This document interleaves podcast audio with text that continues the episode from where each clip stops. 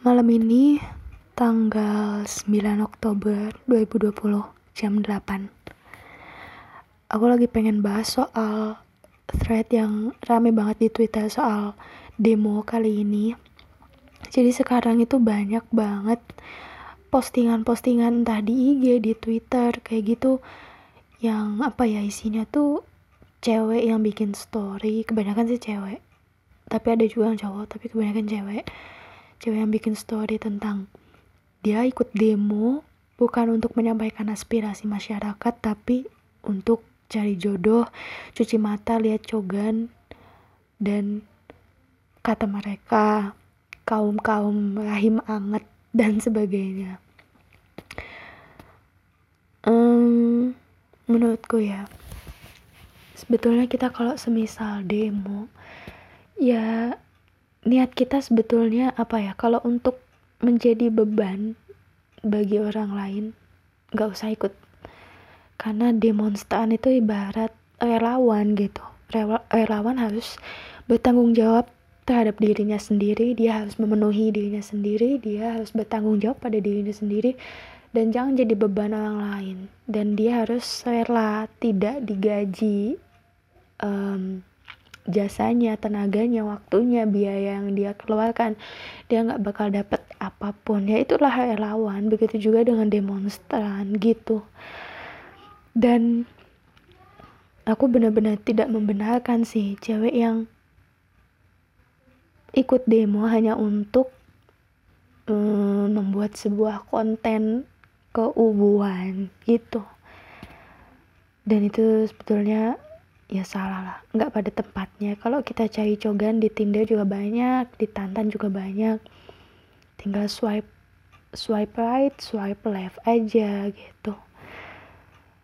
Tapi aku juga kadang tidak membenarkan netizen gitu loh.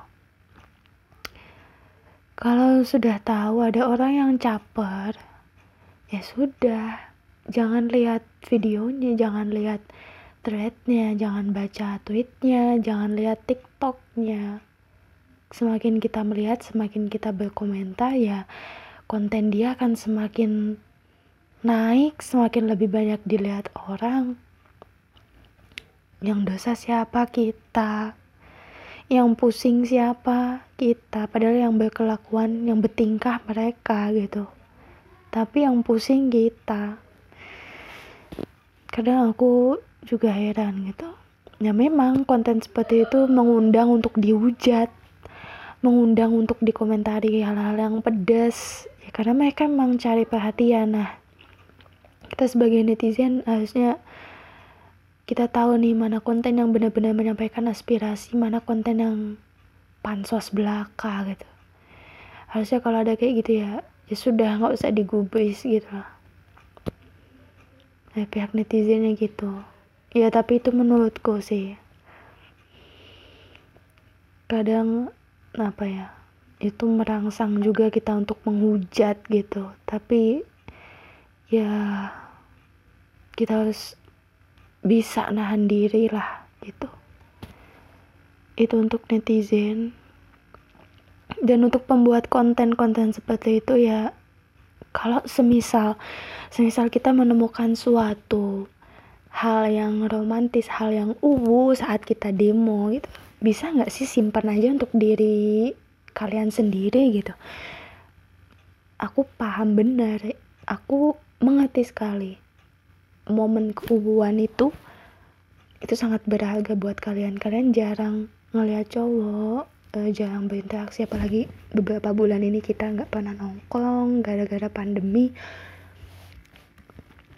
sebetulnya wajar gitu. Kita seneng dapat perhatian dari cowok tapi simpan saja hal manis itu untuk dirimu sendiri karena gak setiap orang itu bisa menerima apa ya bisa menerima konten kita gitu.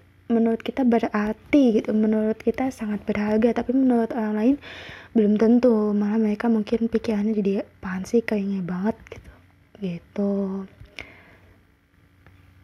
nggak semua bisa dijadiin story gitu. Dan kita harus pikir-pikir lagi kalau bikin konten apa sih manfaat yang aku keluarkan kalau aku bikin konten ini? Apakah masyarakat akan menerima atau tidak? Apakah banyak manfaatnya atau mudaratnya kalau aku mengeluarkan video ini? Gitu harusnya. Ya itu aja sih. Baik pembuat konten-konten keuangan dan netizen ya di sini juga aku nggak sepenuhnya benar. Aku kadang terpancing juga untuk menghujat.